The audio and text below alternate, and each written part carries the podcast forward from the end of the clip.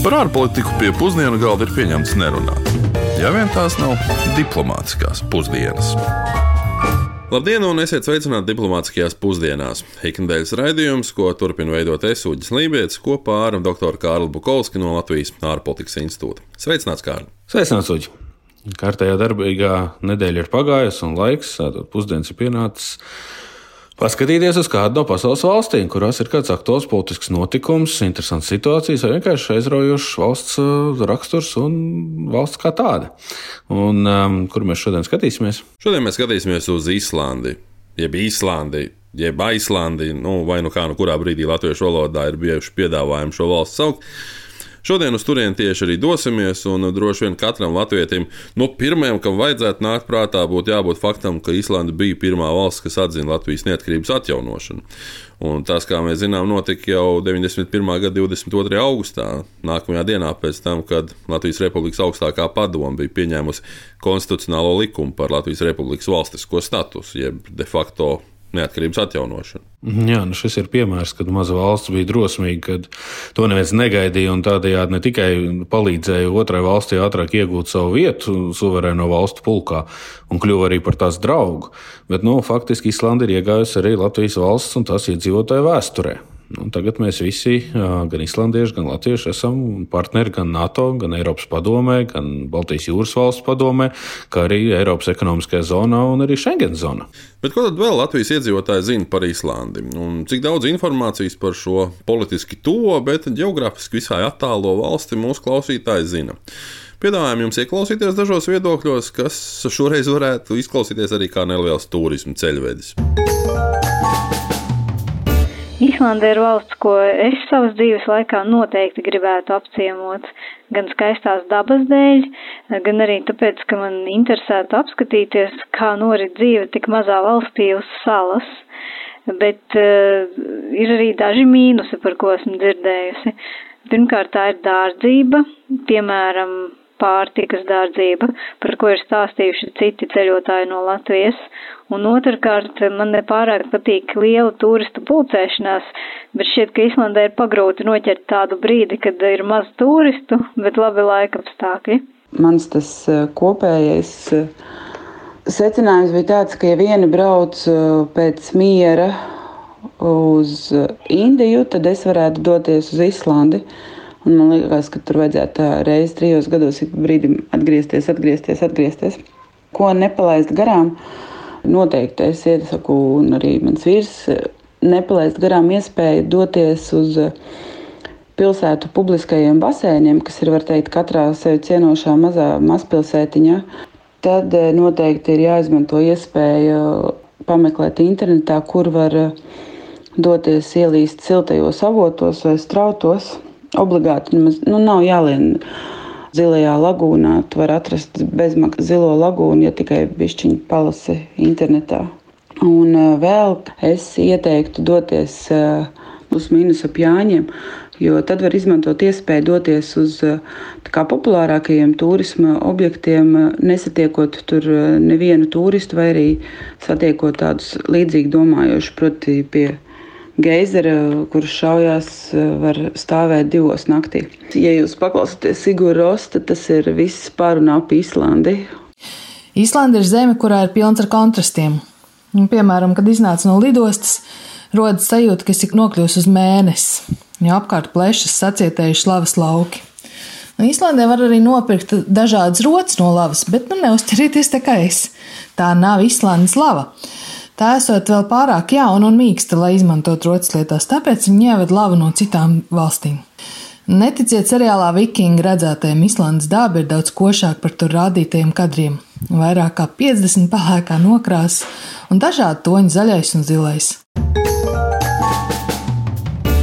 Bet nu, ķersimies klāt pamatēdienam un mēģināsim saprast, cik savāda un unikāla valsts ir Īslande. Islandē ir 350 tūkstoši iedzīvotāji, kas, nu, skatoties no Latvijas viedokļa, principā veido aptuveni pusi Rīgas iedzīvotāju skaita. Bet um, no Islandes iedzīvotājiem vairāk nekā puse uh, dzīvo galvaspilsētā Reikjavīkā, neskatoties uz to, ka valsts ir plaša un daudzveidīga tās dabas dēļ. Un arī man, starp citu, savu laiku, līdzīgi kā vienai no klausītājām, uh, kad es pirmo reizi izkāpu pirms dažiem gadiem uh, Islandē no lidmašīnas, sajūta bija tāda, ka es uz citas planētas iznācis. Nu, tā varētu būt. Nu, jā, bet tas nav traucējis valstī izmantot pieejamos dabas resursus ne tikai enerģētikā, bet arī lauksaimniecībā un ražošanā. Un geotermālie un hidroelektroresursi, kā arī biotehnoloģijas, tiek izmantotas visai plaši. Vulkāniskā aktivitāte ir nodrošinājusi arī ļoti lētus enerģijas resursus tālākai ekonomikas izaugsmē, piemēram, IT sektorā. Un, protams, tā ir arī turisma industrija. Ir aprēķināts, ka Valstu vispār apmeklē 4 līdz 5 reizes vairāk cilvēku gadā nekā Īslandē vispār dzīvo. Jā, turisms, alumīnija iegūta un zvejniecība ir centrāla Islandes ekonomikas atbalsta punkti. Pat ja lases Islandē maksā dārgāk nekā Latvijā. Dažādošana, tostarp arī tevis tikko pieminētā IT sektora virzienā, protams, ir bijusi starp prioritātēm, izņemot 2008. gada banku krīzi, kas atkal ir līdzīga Latvijas pieredzei, Islanda ilgstoši ir bijusi un piedzīvojusi augstu ekonomisko izaugsmu. Jā, Islandes IKP uz vienu iedzīvotāju ir gandrīz divreiz lielāks par Latvijas, un tas ir apmēram 47,000 eiro uz vienu iedzīvotāju. Tā ir tāda klasiska ziemeļvalsts, kurām arī mēs cenšamies līdzināties. Šī jāatzīst, laikam, ka vēl kāds brīdis būs jāpastrādā, lai kādu no tām vispār noķertu. Nu, tas gan. Bet pirms mēs pievēršamies Islandes prezidenta vēlēšanām, ir kāds ļoti svarīgs politiskais sasniegums, kur, manuprāt, būtu jāpiemina. Respektīvi, Islanda ir visvecākā parlamentārā demokrātija pasaulē. Islandes parlaments Altings ir vecākais vēl joprojām darbojošais parlaments. Tas ir izveidots 930. Eh, gadā, un tas pārtraucis darbību ir tikai 19. gadsimta sākumā, uz nepilnu pusgadsimtu. Islanda bija arī pirmā valsts pasaulē, kur ievēlēja sievieti valsts prezidents amatā. Tas gan notika pavisam nesen, 1980. gadā, bet toreiz ievēlētā Vigdis eh, Finbogdotīra vēl joprojām ir pasaulē visilgāk kalpojusi sieviete demokrātiski ievēlētā valsts galvas amatā. Es gan tomēr gribētu pievērsties šī brīža prezidentam un arī gaidāmajām prezidenta vēlēšanām, kuras notiks tūlīt pēc Jāņiem 27. jūnijā. Par pārliecinošu favorītu šoreiz tiek uzskatīts esošais prezidents Gudni Torlācijas Johannesons, Jo vēl nereizi Islandes vēsturē esošais prezidents nav zaudējis balsojumā. Viņam izaicinājumu gan ir metuši kopumā pieci kandidāti, taču no tiem par reālu konkurentu ir palicis tikai viens, proti, uzņēmējs un ekonomists Gudmunds Franklins Jonsons. Jā, starp citu, viens no kandidēšanas nosacījumiem Islandes prezidenta amata ir tas, ka kandidātam ir jāsavāc vismaz 1500 un vienlaicīgi ne vairāk kā 3000 vēlētāju rekomendācijas no visiem četriem valsts kvadrantiem. Paraksts savādi gan eh, ir izdevies, kā jau minēji, tikai eh, abiem jau minētajiem pretendentiem. Vēl interesantāk ir tas, ka, ja neviens cits politiķis nebūtu izvirzījis savu kandidatūru, prezidents Johannesons turpinātu pildīt savu amatu vēl uz četriem gadiem. Un, eh, principā, šāda te termiņa pagarinājuma ir bez ierobežojuma iespējama. Islandes prezidenta kandidātu viedokļi par daudziem jautājumiem, piemēram, par Islandes pievienošanos Eiropas Savienībai vai palikšanu ārpus tās, protams, atšķiras. Bet, kā mums pastāstīja Islandē dzīvojošā Inga Tīrone, faktiski priekšvēlēšana kampaņas centrā ir tikai viens galvenais jautājums.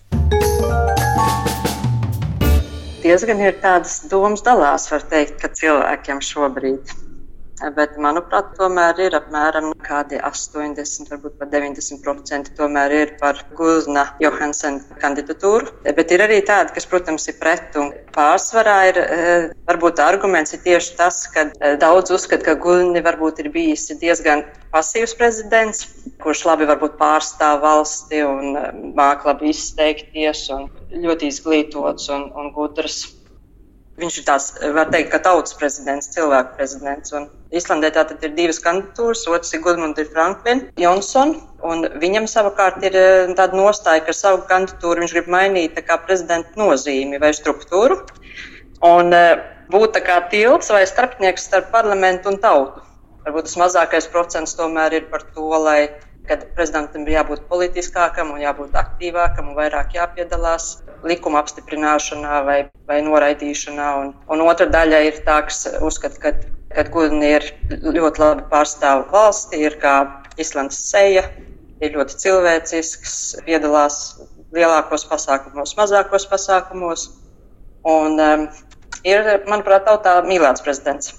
Viņš ir ļoti kolorīts prezidents. Viņam ir zeķis tāds krāsains, ar ko viņš izceļās. Viņš ir uh, tik cilvēcisks, kad uh, viņš iet ar saviem bērniem uz baseinu, turpat vietējo citus bērnus aizved uz mājām pa ceļam. Un, un tas ir kā, nu, kas mums varbūt nav pieņemami prezidentam pienāktos.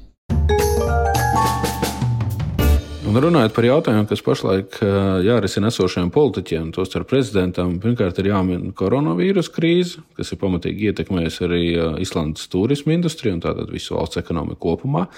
Taču ir kāds izaicinājums, kurš Latvijā iespējams ir mazāk pieminēts, bet ārpolitikā, sevišķi mūsu reģionu valstu ārpolitikā, ļoti bieži aplūkots, un tā ir Arktikas reģiona nākotne. Klimata pārmaiņu rezultātā un arī kūstot arktiskajiem ledājiem, kā arī uzlabojoties kuģošanas tehnoloģijām, Zemeslodes ziemeļdaļa kļūst ar vien pievilcīgāka gan no preču pārvadāšanas viedokļa, gan arī skatoties no politiski militārā viedokļa. Notikuma attīstība tuvākajos gados Arktikas reģionā bieži tiek piesaukta kā jaunā potenciāla konflikta vieta uzreiz pēc tuvajiem austrumiem, kur starp pasaules valstīm notiks cīņa par resursiem. Un kā mums pastāstīja Dānijas ārpolitikas institūta viespētniece un arī Islandes ārpolitikas institūta direktore Pija Hansone, Islandē kā mazai valsti izaicinājumi ir patiešām lieli. For the long term, I think there are Ilgtermiņā Islandai, tāpat kā daudzām citām pasaules valstīm, būtu jāskatās uz to, kas notiek ar klimata pārmaiņām. Tā kā mēs esam daļa no Arktikas reģiona, mēs šīs izmaiņas ļoti tieši izjutīsim un vizuāli redzēsim.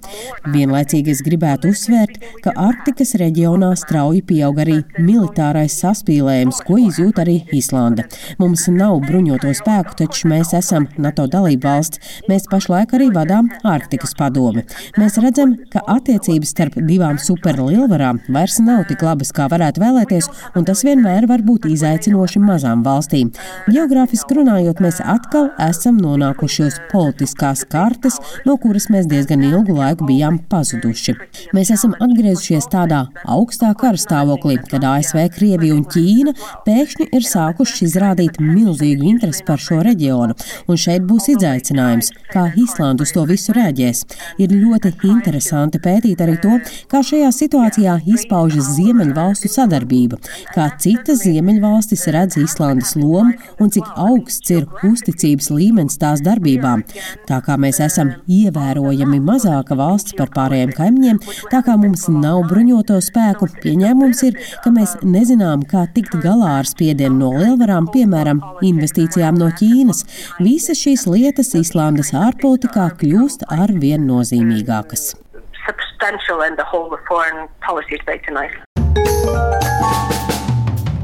Rezumējot, jāsacina, ka nu, Islanda ir maza, bet ekonomiski patstāvīga valsts. Tā izmanto resursus, kas tai ir pieejami, un partneri, kas tai ir apkārt, lai nodrošinātu savu dzīves līmeni.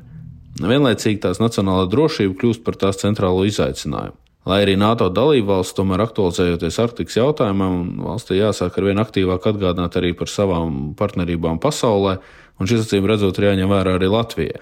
Mums ir jāatcerās arī par mūsu tā, diplomātsko parādu, kas mums ir pret Īslandi kopš 1991. gada. Lai cik būtu paēdis, vienmēr ir vieta arī desertam.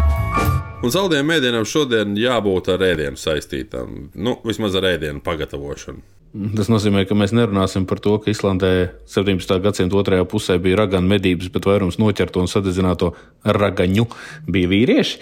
Vai arī tas, ka Islandē ir mobilo telefonu aplikācija Islandīga ap, kuras mērķis ir laicīgi ļaut noskaidrot, vai personas romantiskā interesi gadījumā nav viņa vai viņas brālēns vai māsīts.